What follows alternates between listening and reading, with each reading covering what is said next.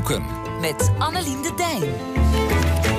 Ja, welkom Annelien de Dijn. Je hebt weer een paar historische boeken meegenomen om te recenseren voor ons. En het eerste boek heet uh, Eva van Cat Bohannon. Waar gaat het over? Um, wel, in het boek uh, schetst Bohannon de lange geschiedenis van de mens. Dus uh, in het bijzonder de biologische ontwikkeling van de mens. Hoe is de mens eigenlijk de mens geworden? Maar dan vanuit uh, een nieuw perspectief, namelijk dat van de vrouw. Dus um, zij probeert eigenlijk, zij focust eigenlijk op een aantal sleutelmomenten in de biologische ontwikkeling van hoe, men, ja, hoe vrouwen eigenlijk ontstaan zijn. Het begint bij het ontstaan van zoogdieren mm -hmm. en dan eindigt ze eigenlijk uh, min of meer bij het ontstaan van de Homo sapiens en alle specifieke uh, karakteristieken die daarbij uh, te kijken kwamen. Ja, en um, waarom dit, dus evolutiegeschiedenis gaat het over, maar waarom perspect, vanuit het perspectief van de vrouw? Is dat, levert dat iets nieuws op? Ja, zij zegt zelf um, dat uh, ja, die geschiedenis, of dat die specifieke focus op de ontwikkeling van de vrouw een beetje vergeten is. Uh, uh, door andere uh, mensen die over dit thema hebben geschreven. En ik denk dat ze daar wel een, een punt heeft. Uh, maar ze probeert daarbij iets. Uh, ze probeert dus niet alleen te zeggen van uh, ja, hier is iets dat nog niet voldoende belicht is. Maar ze zegt, kijk, als we vanuit dat perspectief van de vrouw naar die lange geschiedenis kijken, naar die -hmm. ontwikkeling, naar, naar hoe zijn zoogdieren eigenlijk mensen geworden. Als we daar vanuit het perspectief naar de vrouw gaan kijken, dan gaan we eigenlijk allemaal nieuwe dingen zien. Dan gaan, gaan we eigenlijk een heel nieuw licht werpen op die geschiedenis. Ja. Um, en een van de meer prikkelende stellingen die zij daarbij bijvoorbeeld verdedigt, is dat een cruciaal moment in ja, hoe de mens eigenlijk de mens is geworden, niet zozeer de uitvinding van werktuigen is geweest, maar wel van kraamzorg.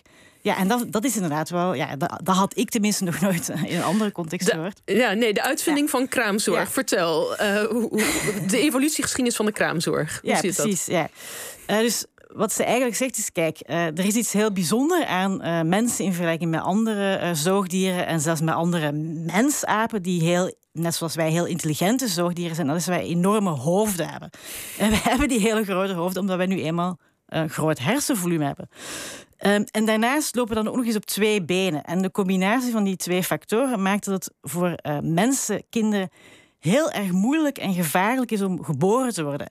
En dat het voor ja, vrouwen die baren, dat is een ook mm -hmm. uitzonderlijk gevaarlijk proces als we dat vergelijken met uh, andere uh, zoogdieren.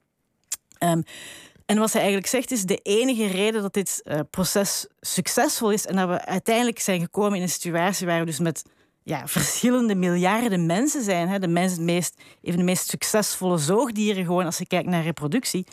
Je kan dat eigenlijk alleen maar begrijpen door, ja, door dus de, het ontstaan van kraamzorg. Hè. Dus dat vrouwen andere vrouwen zijn gaan helpen bij die bevalling, door dat mee te nemen. Dat was echt een cruciaal, cruciale uitvinding. Mm -hmm. hè, want andere zoogdieren doen dit niet, ook andere mensapen doen dit niet.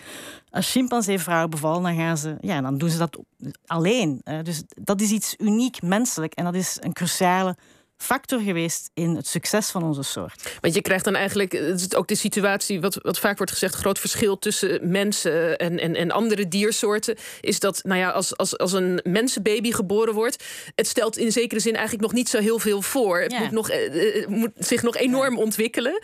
Ja. Um, dat heeft er ook mee te maken dat het, nou, het kan niet nog groter zijn, dat hoofd nee, van die baby. Um, maar vervolgens dat er ook nog jaren in moet worden geïnvesteerd. Heeft ze het daar eigenlijk ook over? Is dat ook een soort. Nou ja, je hebt dus de kraamzorg, maar je zou net zo goed misschien kunnen zeggen de hele 18 jaar die wij uh, sowieso hebben ingericht voor een opvoeding van die, van die mensenkinderen. Ja, en ook daar um, werpt die geschiedenis van de, ja, van de ontwikkeling van het vrouwenlichaam eigenlijk uh, nieuw licht op. Uh, want dat helpt ons beter te begrijpen waarom mensen een van de enige diersoorten zijn naast een bepaald type van orka's, waar vrouwen hun vruchtbaarheid ja, hun vruchtbaarheid overleven in feite. Hè. Dus uh, dat is ook weer iets heel specifiek voor uh, mensen. Uh, dat wij vrouwen iets hebben dat ja, menopauze. Hè. Dus op een gegeven moment kan je niet meer zwanger worden. En opnieuw, -hmm. andere mensen hebben, zoals bijvoorbeeld chimpansees, die vrouwtjes die blijven eigenlijk vruchtbaar, vruchtbaar tot het moment dat ze dood neervallen. Um, en ook dat, zo argumenteert zij, was heel cruciaal voor het succes van, van de mens. Um, want dat veroorzaakt dat je dus grootmoeders had die rondliepen en die zelf niet meer bezig waren met het baren en verzorgen van hun eigen kinderen en daardoor hun dochters konden gaan helpen.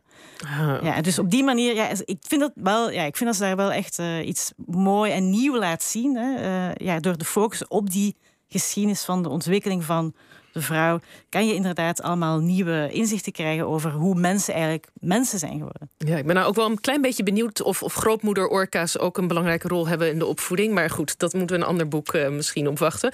Het tweede boek uh, van Freke de Meijer.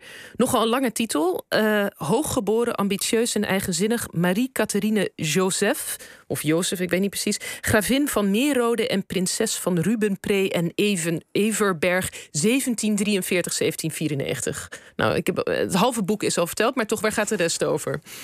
Uh, ja, ook dit boek uh, kan je opschrijven als een bijdrage aan de vrouwgeschiedenis, maar op een heel andere manier dan Bohennen het doet. Het perspectief van Bohennen uh, kan je omschrijven. Ja, echt helikopterperspectief, misschien zelfs astronautenperspectief. Er worden 200 miljoen jaar beschreven.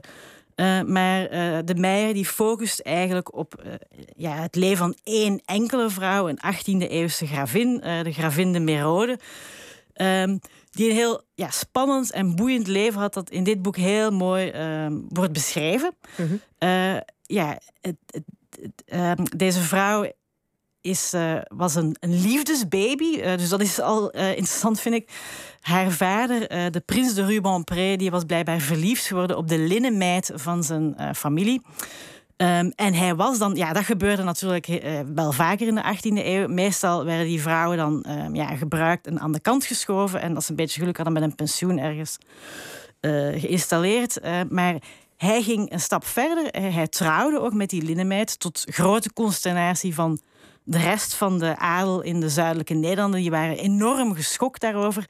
Vooral ook omdat deze vrouw, die linnenmeid al wat ouder was. Hè. Uh, toen ze trouwde was zij al uh, bijna 40. En volgens dus de uh, andere um, leden van de adel bijzonder lelijk. Mm -hmm.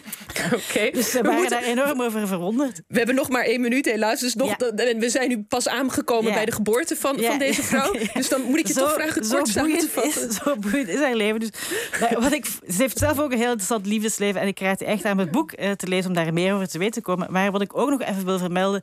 Dit is een vrouw, dit was een enorm uh, intelligente zakenvrouw. En ook dat vind ik heel erg interessant. Hè. Dus zij was uh, van een hele rijke familie.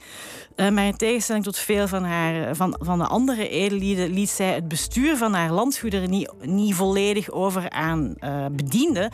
Maar speelde zij daar een heel actieve rol in... en slaagde ze ook in om haar familie substantieel rijker te maken. Dus het was echt een heel bijzondere vrouw. Oké, ook nog een heel particulier specifiek portret van een 18e-eeuwse zakenvrouw. Dankjewel, Annelien de Dijn, voor deze twee hele verschillende boeken. Wie wil nalezen welke boeken we zojuist bespraken, die kan terecht op onze website vpro.nl/slash OVT. Nu het nieuws en straks zijn we terug met onder andere een